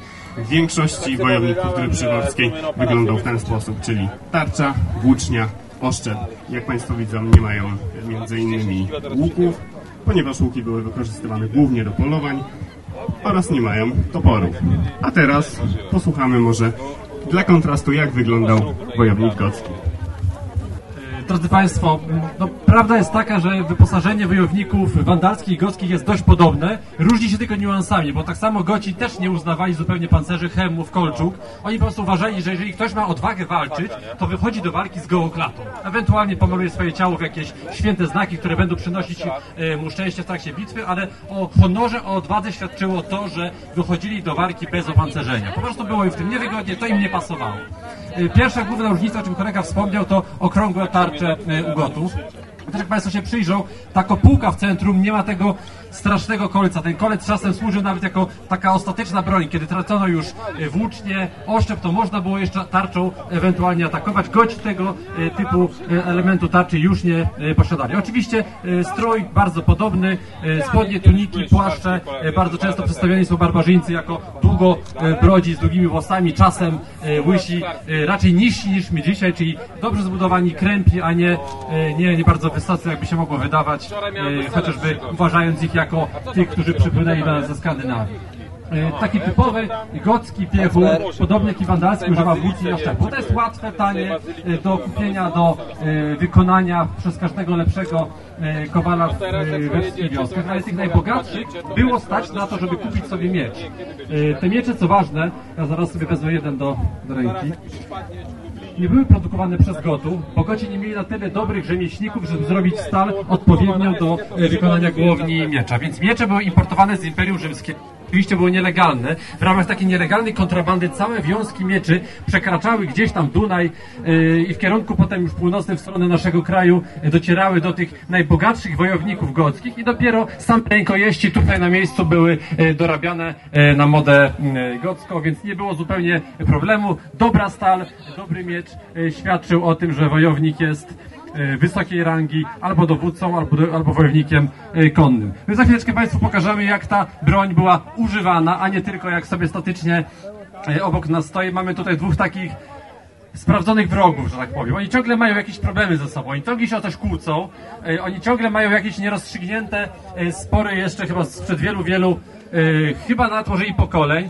E, Oni dysponują tutaj zarówno włócznią, toporkiem, chociaż te toporki to dość rzadko zdarzały się u plemion germańskich. Ja was jeszcze bliżej tutaj, panowie. Pilnujemy, żeby dzieci absolutnie nie wybiegały na, na pole bitwy. I przekonajmy się, jak ta broń była faktycznie wykorzystywana w trakcie takich, no, bratobójczych pojedynków. Wśród uczestników dzisiejszej biesiady gockiej oczywiście nie może zabraknąć patrona tej imprezy, pani starosty. Pani starosto, jak wrażenia z dzisiejszej biesiady? Piękna niedziela, 16 wersja już biesiady archeologicznej w Masłomęczu. Jak zwykle pogoda dopisuje, jest e, słonecznie, wręcz upalnie. Organizatorzy dopieli wszystko na ostatni guzik, wręcz powiem, e, wręcz więcej, gdyż e, w tym roku widzę znacznie więcej namiotów, gdzie można poznać tą, tą historię gocką. Mamy więcej grup rekonstrukcyjnych, więc ta tradycja i ten zwyczaj wpisuje się już, widzę, na zawsze w kalendarz e, uroczystości gminy Chrubieszów, także i powiatu chrubieszowskiego. Dzisiaj chciałabym podkreślić e, znaczenie tej 16 edycji, gdyż wpisze się już ona na, na stałe w kalendarz e, jubileuszowy. W tym roku wójt gminy Chrubieszów Tomasz Zając podkreślił tą imprezę, obejmując właśnie tym patronatem 590-lecia istnienia powiatu chrubieszowskiego. Wyznaczył tą właśnie imprezę po to, żeby uwiecznić już ją na zawsze w tej historii jubileuszowej naszego powiatu. Jestem pod wrażeniem, pod wrażeniem dzieł, które tutaj można obejrzeć. Jest nawet gocki tatuaż. Nie wiedziałam, że tak owy na stałe już dziecko mi powiedziało, na stałe może być na skórze. Więc ciągle co roku coś mnie e, zaskakuje. E, W tamtym roku było mi prościej, bo tylko dziecko mogło uczestniczyć e, w tworzeniu garnka, więc poznało tą sztukę. No a obecnie jest mi ciężko odmówić ten właśnie e, tatuaż gocki. Także co roku jakieś zaskoczenie, e, przepiękna atmosfera. Właśnie udają się teraz już na e, pokaz i paradę właśnie pokazów gockich. Naszą biesiadę zaszczycili również przedstawiciele władz wojewódzkich. Oczywiście, że tak. Jest dzisiaj z nami przewodniczący Sejmiku Województwa Lubelskiego, pan Michał Mulawa, który także reprezentuje dzisiaj marszałka woje- województwa, pana Stawiarskiego, naszego marszałka lubelskiego i właśnie w jego imieniu tutaj przyjechał, bo e, należy podkreślić, że także honorowy patronat dzisiejszy nad tą imprezą to patronat marszałka województwa lubelskiego. Także jest mi niezmiernie miło, że i władze województwa zauważają taką potrzebę promocji tych, tej historii, tak? E, Historii bardzo ważnej, żeby uświadomić, jak ziemia chrubieszowska była kiedyś ważna dla społeczeństwa, dla, dla ludzi. Gdyż tutaj się osiadali właśnie Goci, którzy wiedzieli, że ziemia jest dorodna, że na tej ziemi wiele płodów można e, zebrać, a jednocześnie ziemia e, tranzytowa, bo tutaj przebiegały właśnie szlaki handlowe. Tak więc nie pozostaje mi nic innego, tylko poprosić pana marszałka jeszcze o parę słów. Jakie wrażenia właśnie z tej biesiady? To przede wszystkim żywa lekcja historii dla najmłodszych, dla młodzieży, ale również wspaniałe miejsce do promocji ziemi chrubieszowskiej, Chrubieszowa, ale też całej, całej ziemi e, lubelskiej. Mnóstwo gości, gości nie tylko e, e, lokalnych, ale również tych, którzy spędzają wakacje tutaj na wspaniałym Roztoczu. Myślę, że jest to jedna z wizytówek regionu lubelskiego, właśnie wioska Gotów w Masłomęczu i trzeba ją promować. W tym roku po raz pierwszy samorząd województwa dość szeroko włączył się w promocję tego przedsięwzięcia, ale myślę, że będziemy to już co roku pielęgnować wspólnie ze starostwem, wspólnie z wójtem gminy Chrubieszów. Ale jeszcze raz chcę podkreślić, żywa lekcja e, historii, wspaniała rodzinna atmosfera, a jednocześnie wspaniałe atrakcje i wszystkich serdecznie, serdecznie tutaj zapraszamy. Dziękuję bardzo. Dziękuję bardzo. I kolejna atrakcja, tym razem rozbiórka pieca dymarskiego. Technologia starożytna zmieniła harmonogram dzisiejszej biesiady, no bo po prostu wszystko musi przebiegać zgodnie z technologią sprzed ilu tysięcy lat technologia?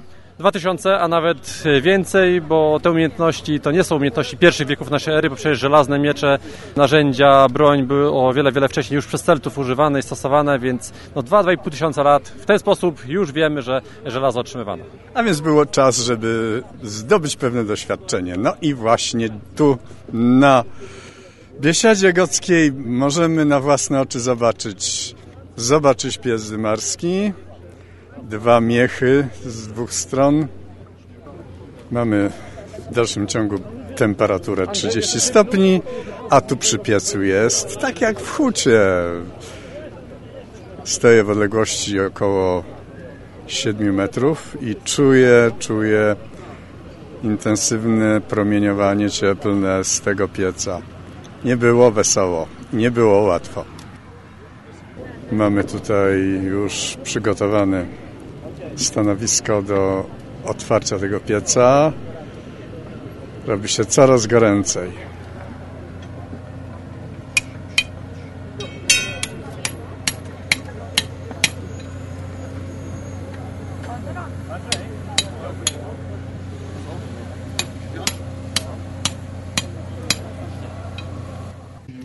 Tak, więc już w tej chwili zaczyna pan prowadzący to przedsięwzięcie opowiadać. Przynajmniej przez ten moment, kiedy będziemy go rozbierać i będziemy starali wydłubać z niego dla Państwa rybkę żelazną na, potem wstępnie ją obkuć. Okej.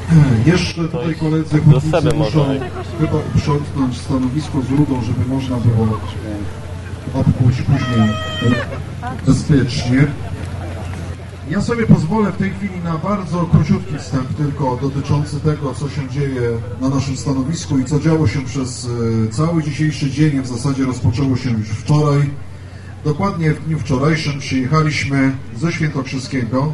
Tak, proszę Państwa, ten tutaj baner za nami, antyczny Demarki Świętokrzyskiej nie jest przez przypadek, to jest e, nasz sztandar wynikający z faktu, że nasze stowarzyszenie, Świętokrzyskie Stowarzyszenie Dziedzictwa Przemysłowego zajmuje się właśnie realizacją projektu Człowiek i żelazo w pierwszych wiekach naszej ery i e, jednym, czy esencją tego projektu, jednym z kluczowych zagadnień jest właśnie realizacja takich eksperymentów jak ten, który został dokonany po raz kolejny w Masłomęczu.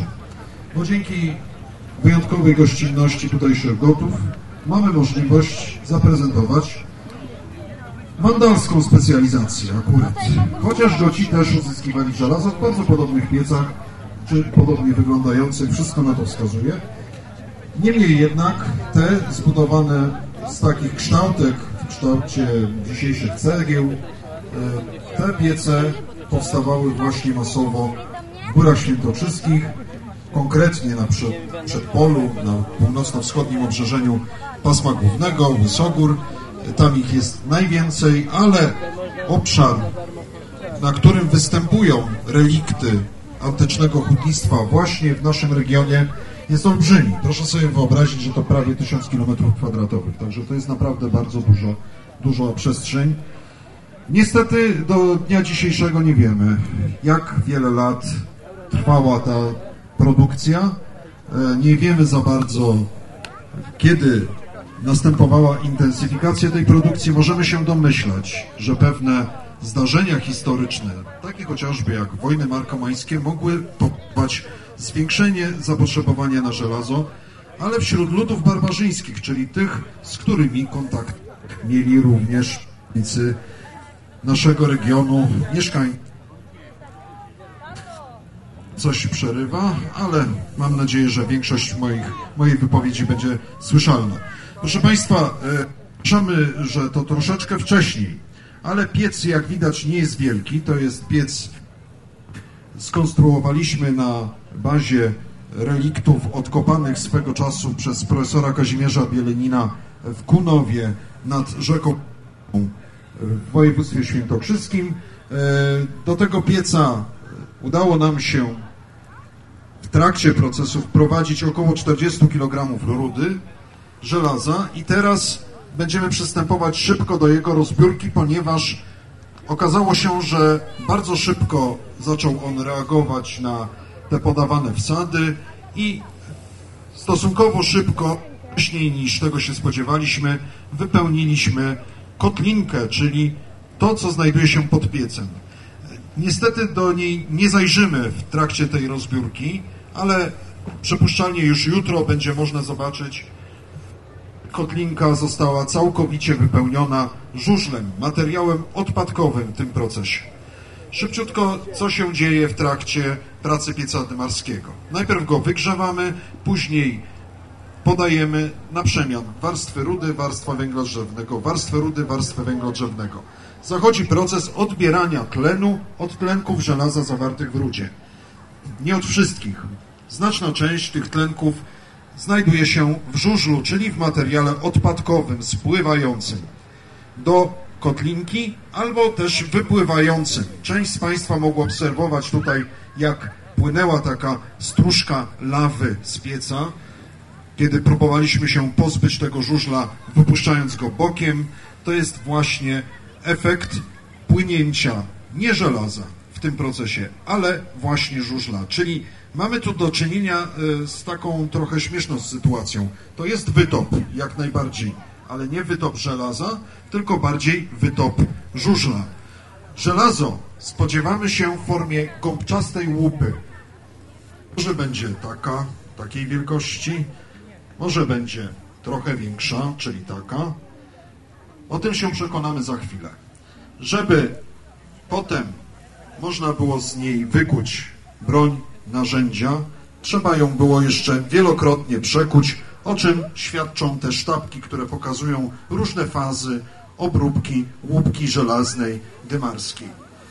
Jaka jest różnica w stosunku do tego, co mamy współcześnie? Współcześnie jesteśmy przyzwyczajeni do spustówki, czyli jesteśmy przyzwyczajeni do tego, że żelazo jest w formie płynnej. Tutaj będzie niepłynne. To, co będziecie Państwo widzieć jako stróżki, krople, to będzie żużel. To, co będzie stałe, będzie się poddawać uderzeniom młota, będzie lekko plastyczne, to jest żelazo. Tak będziecie Państwo mogli zobaczyć, czy też przekonać się, jak wygląda materiał uzyskiwany przez starożytnych hutników. Wstępne obkuwanie łupy następuje już w piecu dymarskim. Po co? Po to, żeby utworzyła ona taką formę możliwą do wyciągnięcia z pieca. Dlatego kolega, pomimo tej strasznej temperatury, bo proszę Państwa, w objętości całego pieca mamy w okolicach 1200-1300 stopni. Taka temperatura jest potrzebna, żeby żużel był płynny, czyli żeby można się go było pozbyć. Jak Państwo widzicie, koledzy podbiegają do pieca i odskakują od niego, ponieważ przebywanie dłuższe w jego sąsiedztwie grozi poparzeniami. I teraz będziemy próbować oddzielić łupę od żużla. Jak Państwu wspomniałem, troszeczkę szybciej ten proces przebiegał w Masłomęczu niż się spodziewaliśmy. Zazwyczaj prowadzimy taki piec w okolicach 6-7 godzin i kończymy rozbiórką. Tutaj wystarczyło tych godzin 5 prowadzenia już samego procesu, żeby można było powiedzieć, że piec mamy już wypełniony i teraz kolega Adrian próbuje oddzielić to to miejsce, te partie, gdzie spodziewamy się jak najwięcej żelaza. Teraz musimy obtłuc jeszcze fragmenty szybu. To troszeczkę ma za niską temperaturę. Ci, którzy stoją bliżej, to czują, jak ta temperatura oddziałuje. Mnie tu jest naprawdę nie, niewygodnie, jest mi dosyć gorąco, chociaż też nie stoję bardzo blisko pieca. Proszę sobie wyobrazić, jak się czują nasi hutnicy. Jest żelazo. Jak Państwo widzicie, jest plastyczne, poddaje się. Jest to duża łupa. Jest troszkę zanieczyszczona przez fakt, że mieliśmy problemy z żużlem, z odprowadzeniem go właściwym w trakcie ostatniej fazy procesu, ale proszę Państwa, jest to chyba rekordowa łupa, jeśli chodzi o nasze tutaj pokazy w Masłomęczu.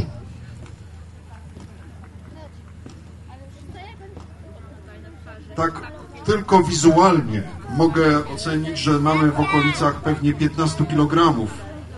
Teraz jeszcze koledzy obstukują, na pewno będą jeszcze straty związane z obkuwaniem. Teraz trochę drewnianym, trochę żelaznym młotem na przemian. Nie wiem, czy to nie jest już zbyt zimne. Chyba już wystarczy, prawda? I teraz, czy uda się to podnieść i pokazać Państwu bliżej? Jeżeli byłaby szansa. O! Proszę Państwa, to jest uzysk tegoroczny. Jak Państwo macie porównanie tutaj do tych mniejszych łupek, naprawdę imponująca rzecz. Także naszym kolegom się udało w tym roku naprawdę całkiem ciekawą ilość żelaza uzyskać w piecu typu kotlinkowego. I teraz, y, no cóż, Państwo już nagrodziliście brawami hutników, ale one były takie jakieś nieśmiałe, także ja myślę, że, że tutaj im się należą naprawdę bardziej gorące wyrazy uznania ze strony publiczności. Dziękuję uprzejmie. Bardzo Państwu dziękujemy. A teraz tylko podsumowując, chciałbym bardzo serdecznie podziękować przede wszystkim gospodarzom tego miejsca, bo dzięki nim to, co rozpoczęliśmy kiedyś wspólnie realizować w Nowej Słupi, możemy realizować teraz wspólnie tutaj właśnie w Wiosce Gotów w Masłomęczu. Szczególnie serdecznie dziękuję Bartkowi Barteckiemu i Annie Herchale oraz panu profesorowi Andrzejowi Kokowskiemu y, za to, że możemy tutaj być. Przede wszystkim jednak szczególne wyrazy podziękowania należą się y, no, mieszkańcom Masłomęcza, właśnie tutejszym gotom, tym wszystkim, którym no, to gościnne przyjęcie zawdzięczamy. Y, To jest pokrótce. Wszystkich zainteresowanych zapraszamy do pozostania. Możecie nas Państwo teraz zamęczać pytaniami, a y, ja kończę ten gremialny komentarz i oddaję mikrofon w ręce Bartka. Dziękujemy jak zawsze za niezawodną porcję e, surówki, która zostanie chyba w tego to z tego męczy, co wiem, tak? Będzie nasza? Dobrze, przekujemy. E, A teraz, Szanowni Państwo, zapraszam Was pod scenę, gdyż e, już widzę, szykują się do kolejnej części swojego występu muzycy i grajkowie zespołu Drewutnia. A ja przekazuję mikrofon naszemu reporterowi Bogumiłowi, który dołączył do dzisiejszej imprezy. Bogumile, do dzieła. Dzień dobry, co Państwo tutaj przygotowali pysznego? A, to jest takie specjalne danie gockie, czyli kasza i mięso. To goci najczęściej jedli. Dzisiaj tym częstujemy naszych gości, żeby posmakowali i wczuli się w ten klimat, w jakim żyli kiedyś goci. Jakie to jest mięso? To jest y, mięso wieprzowe, nie- konkretnie schab, krojone w małe kawałeczki. Podobny troszeczkę do dzisiejszego gulaszu, odpowiednio przyprawiony przyprawami, które wtedy stosowali goci, ponieważ oni nie znali tego, co mamy dzisiaj, ale generalnie już wiedzieli, jakie zioła stosować, jakie nadają smak i to jest właśnie nawiązanie do tej tradycji gockiej. Bardzo pysznej tradycji. Oczywiście. Myślę, że będzie smakować wszystkim. Jak na razie po kolejce widać, że jest zainteresowanie. Super, dziękuję bardzo. Cześć, powiedz, jak Ci się tutaj podoba? Bardzo mi się podoba tutaj. Dzień dobry, witam serdecznie. Jestem na Biesiadzie już drugi rok, ale po dłuższej przerwie nie było czasu kiedy być. Bardzo mi się podoba. Z chęcią wrócę tu jeszcze kiedyś. Na pewno wrócę. Czy widzisz jakieś różnice między pierwszym a drugim rokiem tej biesiady? No na pewno, bo na początku biesiada w ogóle była troszkę w innym miejscu, ale poza tym nie ma większych różnic. Na pewno nie, jednak rozrasta się troszkę. Z roku na rok jest troszkę więcej ludzi, troszkę więcej tych stoisk, namiotów. Może nie, nie jest to jakiś wielki przyrost, ale co roku jest więcej. Chociaż byłem chyba tylko ze trzy razy w swoim życiu, to nie mam jakiejś e, jakiegoś dużego podłoża, żeby tutaj się wypowiadać na ten temat, ale moim skromnym okiem jest coraz lepiej. Dziękuję bardzo. Dziękuję również. Gorące pozdrowienia od Radiocentrum Rzeszów od Sebastiana Jakubowskiego dla radia RTM Staszic, mojego pierwszego radia. Ściskam gorąco. Dzień dobry. Co u Pana możemy zobaczyć na stoisku? E, No dzień dobry. My jesteśmy w tym momencie przy stoisku, który dotyczy ekonomii starożytnej i związków ekonomii z różnymi y, ciekawostkami typu mennictwo starożytne albo geografia, czy też y, y, mapy starożytne, które mają zupełnie odmienną formę od tego, co y, dzisiaj znamy. A czym się różnią te mapy? Y, Przede wszystkim sposobem myślenia i rodzajem odzorowania. I to odzorowanie okazuje się być zaskakująco nowoczesne, jeżeli chodzi o sposób myślenia, ponieważ na przykład itineraria rzymskie przypominają swoją strukturą GPS-y. Dziękuję bardzo. Proszę bardzo. Cześć chłopaki, powiedzcie, jak się walczy mieczem? Walka mieczem no nie jest taka prosta, zależy jak miecz jest tak naprawdę ciężki, bo niektóre miecze są lżejsze, niektóre cięższe, na przykład kolega ma tutaj Gladiusa, to jest miecz właśnie taki, to jest tak naprawdę sztylet, yy, uważany za sztylet, ale yy, samo głowo, yy, słowo Gladius oznacza miecz, więc to też jest taką ciekawostką. Walka mieczem była taka, że się nie walczyło oczywiście dwoma rękoma. To gdzieś w jakichś filmach tak pokazują, ale w, ogóle nie było tego, bo to nie było użyteczne. Walka dwoma rękoma. Jedną walczyli rę- ręką, bo było po prostu lepiej, a dwoma rękoma to też dodawało to mm, po prostu ciężej się walczyło dwoma rękoma i było to strasznie niewygodne. A ty jak lubisz walczyć? Dwoma, jedną ręką? No jedną, bo tak się walczyło tak naprawdę. Dziękuję bardzo. Nawzajem. Po raz Legion 21. Nie podchodzimy bliżej, proszę Właśnie na pola Masumęcza wkroczył Legion Rzymski. Uzbrojeni w tarcze, w zbroje i zaraz chyba będzie pojedynek. Oj nie, chyba tylko na pewno. Drużyna przeciwna widzę idzie. Jeszcze dobrze nie widzę kto tam idzie, ale myślę, że to są goci. Tak, to są nasi goci z Masumęcza. I ustawiały się do walki. Walka właśnie się skończyła wielkim sukcesem dla Rzymian. Rzymianie doszczętnie zniszczyli Gotów i pojmali ich wodza. 16. biesiata gocka dobiega końca. Wszyscy już robią sobie pamiątkowe zdjęcia. A Sory jak ocenia dzisiejsze wydarzenie? Oczywiście bardzo, bardzo przyjemna impreza, bardzo ciekawa. Tradycyjnie już jesteśmy tutaj obecni, mam nadzieję, że za rok również. Należy pogratulować organizatorom. Także była to fajna impreza. Dziękuję również Bogumile Tobie, no i również dziękuję Sebastianowi, który gościnnie był obecny na naszej imprezie. Do usłyszenia kolejnej audycji Radia Artem Staszyc. To był dobry dzień. Do usłyszenia. Zapraszam teraz do wysłuchania felietonu historycznego przygotowanego przez panią Helenę Bojarczuk, a nagranego w grudniu roku 2012, poświęconego pamięci pani profesor Marii Nemetti. Witam słuchaczy radia RTM Staszic w ten zimowy wieczór i pragnę Państwa zaprosić na refleksję wywołaną śmiercią pani profesor Marii Nametti. Zmarła, jak Państwo wiecie, przed miesiącem, a dzisiaj parę faktów wokół jej życia i pracy zawodowej. Pani Maria Nametti Metti z domu Hernik urodziła się 6 października 1916 roku w Kijowie. Zmarła natomiast 25 stycznia 2012 roku w Lublinie. Żyła lat 96. Z Hrubieszowem związana była miejscem pracy i zamieszkania przez ponad 52 lata, a ściślej określając od połowy 1949 roku do początków roku 2002. W rodzinie znana była jako Marianna i takie imię umieszczono na nagrobku. Urodziła się i wychowała w rodzinie inteligenckiej. Lata szkolne upłynęły naszej pani profesor nad Wisłą w okolicach Dęblina. Wychowywała się w towarzystwie siostry i koleżanek.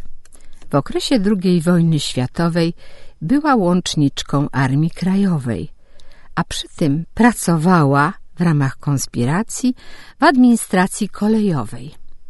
Wyjeżdżała często po meldunki i biuletyny informacyjne do Warszawy. Ukończyła filologię klasyczną na Katolickim Uniwersytecie Lubelskim. Pracę w zawodzie nauczycielskim rozpoczęła 1 marca 1945 roku w Dęblinie i pracowała tam do czasu wyjazdu do Chrubieszowa. Pracę nauczycielską w chrubieszowskich szkołach średnich rozpoczęła wraz z mężem Karolem w 1949 roku. W tym okresie dyrektorem liceum i gimnazjum Stanisława Staszica był pan Konstanty Alichniewicz, matematyk. Był także dyrektorem szkół handlowych i kupieckich. Pani Maria początkowo miała godziny łaciny w Staszicu, a także uczyła matematyki w młodszych klasach gimnazjum handlowego. Zaś jej mąż uczył matematyki w liceum i w gimnazjum mechanicznym. Młodzież chrubieszowska szybko polubiła pogodną i elegancką panią profesor. W tym czasie w Staszicu języka polskiego uczyła Zofia Szczupakowska, historii pani Józefa Charkowska, biologii WF-u Irena Skrobiszewska, fizyki i chemii pan Dominik Brzozowski, języka niemieckiego Jan Jopyk, a francuskiego Jan Piwkowski, języka rosyjskiego i rysunków pani Jadwiga Jęczmieniowska. Do, do, do roku 1952, geografii Natalia Tabaczkiewicz, a w roku 50 podmienił ją pan Mikołaj Lech, a w cztery lata później przyjechał do Chrubieszowa i rozpoczął pracę profesor Zygmunt Drewnik. W roku szkolnym 1950-51 nastąpiły zmiany. Zmiany kadrowe, zmiany polityczne następowały. Dyrektorem Staszica został pan Jan Daca, który przybył do Chrubieszowa z Janowa Lubelskiego. Pan Jan uczył przy tym historii najnowszej, a funkcję dyrektora pełnił do 1967 roku. Takim gronie pracowali państwo na Metiowie. Pan Karol dostał pełny etat matematyki w Staszicu i tak pracował aż do czasu przejścia na emeryturę, czyli do roku 1962. A później przez wiele lat uczył matematyki w technikum ekonomicznym. Zmarł 1982 roku i spoczywa na cmentarzu w Chrubieszowie. Pani profesor Marianna Metti przez młodzież nazywana była Puellą. Miała etat łaciny, uzupełniając jeszcze matematyką. Tak często było, że uczyła w pierwszych klasach. była już dziesiątym nauczycielem łaciny w dziejach szkoły chrubieszowskiej. Przez wiele lat sympatyczna pani profesor opiekowała się szkolnym kołem PCK, a jej mąż Karol opiekował się samorządem szkolnym. Państwo na Metiowie mieszkali w pierwszym okresie ponad około 10 lat przy ulicy Żeromskiego w domu państwa cyganowskich, zaś później otrzymali mieszkanie w nowo wybudowanym bloku przy ulicy Bolesława Prusa 2. Pani Maria była osobą wysportowaną, grała w siatkówkę, pływała w huczwie, a zimą jeździła w towarzystwie młodzieży na łyżwach. Zaś mąż Karol wolny czas spędzał przy brydżu w towarzystwie swoich ulubionych znajomych, między innymi państwa grodyńskich, a także stałych bywalców klubu w domu nauczyciela. W latach 1954-1957 z państwem Nametti zaprzyjaźnił się młody muzykalny katecheta, ksiądz Stanisław Rogalski. Znajomość przetrwała przez długie, długie lata i mimo odległości trwała do końca, jako że ksiądz Rogalski pracował później na Warmii, a przez 40 lat na Śląsku i tam do dziś mieszka. Nasza pani profesor od łaciny uczyła w liceum w pełnym wymiarze czasu w latach 1949-1964, zaś w latach 1965-1996 była nauczycielem na godzinach. Trzeba dodać, że przed uzyskaniem wieku emerytalnego przez 8 lat dyrektorowała w zasadniczej szkole odzieżowej. I to dyrektowanie zakończyło się przejściem na emeryturę we wrześniu 1972 roku. Korzystając z emerytury, dalej uczyła łaciny w chrubieszowskim Staszicu. Oczywiście niepełnym wymiarze. W roku szkolnym 1995-96 zakończyła swoją pracę. Trzeba dodać, że w Chrubieszowie pracowała łącznie 47 lat. W roku 1995 latem obchodzono pięćdziesięciolecie pracy nauczycielskiej naszej pani Marii. Przy tym jeszcze była bardzo osobą czynną. Udzielała się społecznie w PCK, w związkach zawodowych, a nawet przez dwie kadencje piastowała mandat w Powiatowej Radzie Narodowej. Ta aktywność społeczna przypadła u pani Marii na okres gierkowski i tak aż do reformy administracyjnej w roku 1975. Po śmierci męża, Państwo pamiętacie, w roku 1982 pani profesor wolny czas w porze letniej spędzała poza Chrubieszowem. Były pobyty w sanatorium, w czasy nauczycielskie, a także spotkania rodzinne w Lublinie i Warszawie. Korzystała z imprez kulturalnych w Chrubieszowie, w Domu Kultury, w Chrubieszowskim Muzeum. Dużo czytała. Na spotkania i wystawy przychodziła w towarzystwie pani Ireny Skrobiszewskiej.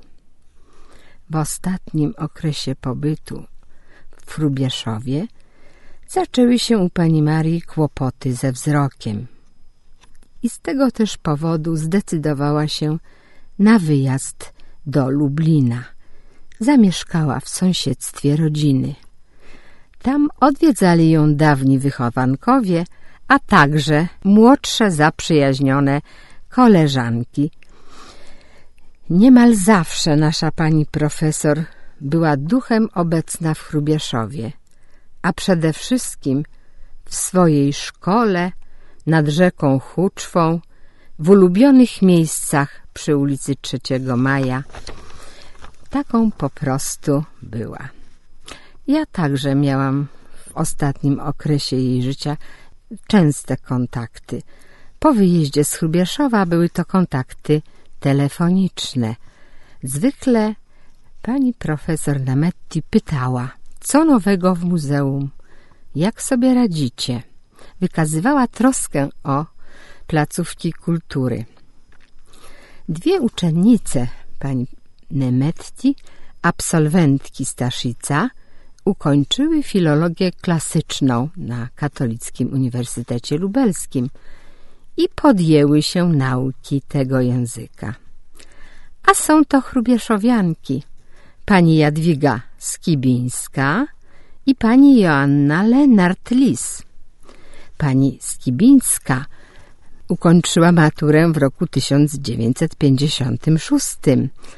Po ukończeniu studiów pracowała jako lektor łaciny na Akademii Medycznej w Lublinie. Zaś Joanna Lenart to matura 1992. Po ukończeniu studiów podmieniła naszą panią profesor w nauczaniu łaciny w Hrubiaszowskim Staszicu. Świętej pamięci Mariana Metti była dobrym, lubianym i szanowanym nauczycielem i wychowawcą. Wychowankowie pozostawali z nią w kontaktach przez wiele lat. Pani Maria chętnie uczestniczyła w zjazdach klasowych i jubileuszach szkoły. Wszystkie spotkania po latach zaczynała od słów Witajcie, najdrożsi moi uczniowie. Oczywiście mówiła po łacinie. Często przypominała nam słowa Adama Asnyka. Trzeba z żywymi naprzód iść, po życie sięgać nowe. W dniu 31 stycznia bieżącego roku o godzinie 12 w Lublinie na cmentarzu przy drodze męczenników Majdanka miało miejsce ostatnie pożegnanie świętej pamięci pani profesor. Uczestniczyli w nim rodzina, przyjaciele i dawni wychowankowie z Hrubieszowskiego Staszica z panią dyrektor Alicją Borkowską na czele, ze szkolnym sztandarem, z kwiatami. Mszę świętą pogrzebową celebrowało trzech kapłanów, a wśród nich dawni uczniowie z Hrubieszowa, ksiądz doktor Edward Pochorecki i ksiądz kanonik Zygmunt Lipski. Słowami pożegnali panią profesor, doktor nauk medycznych Edward Zerkiewicz, matura 1951 oraz pani dyrektor magister Alicja Borkowska, matura 1986. A w imieniu rodziny dziękował i żegnał swoją ciotkę siostrzeniec. Chrubieszowiacy z Warszawy także włączyli się w obchody pożegnania świętej pamięci Marii Nametti. Zamówili mszę świętą w kościele Najświętszego Zbawiciela przy Placu Zbawiciela w Warszawie, która odbędzie się 10 marca w sobotę o godzinie 17. Cześć pamięci naszej pani profesor. Dziękuję Państwu za uwagę i zapraszam na kolejne spotkanie za tydzień.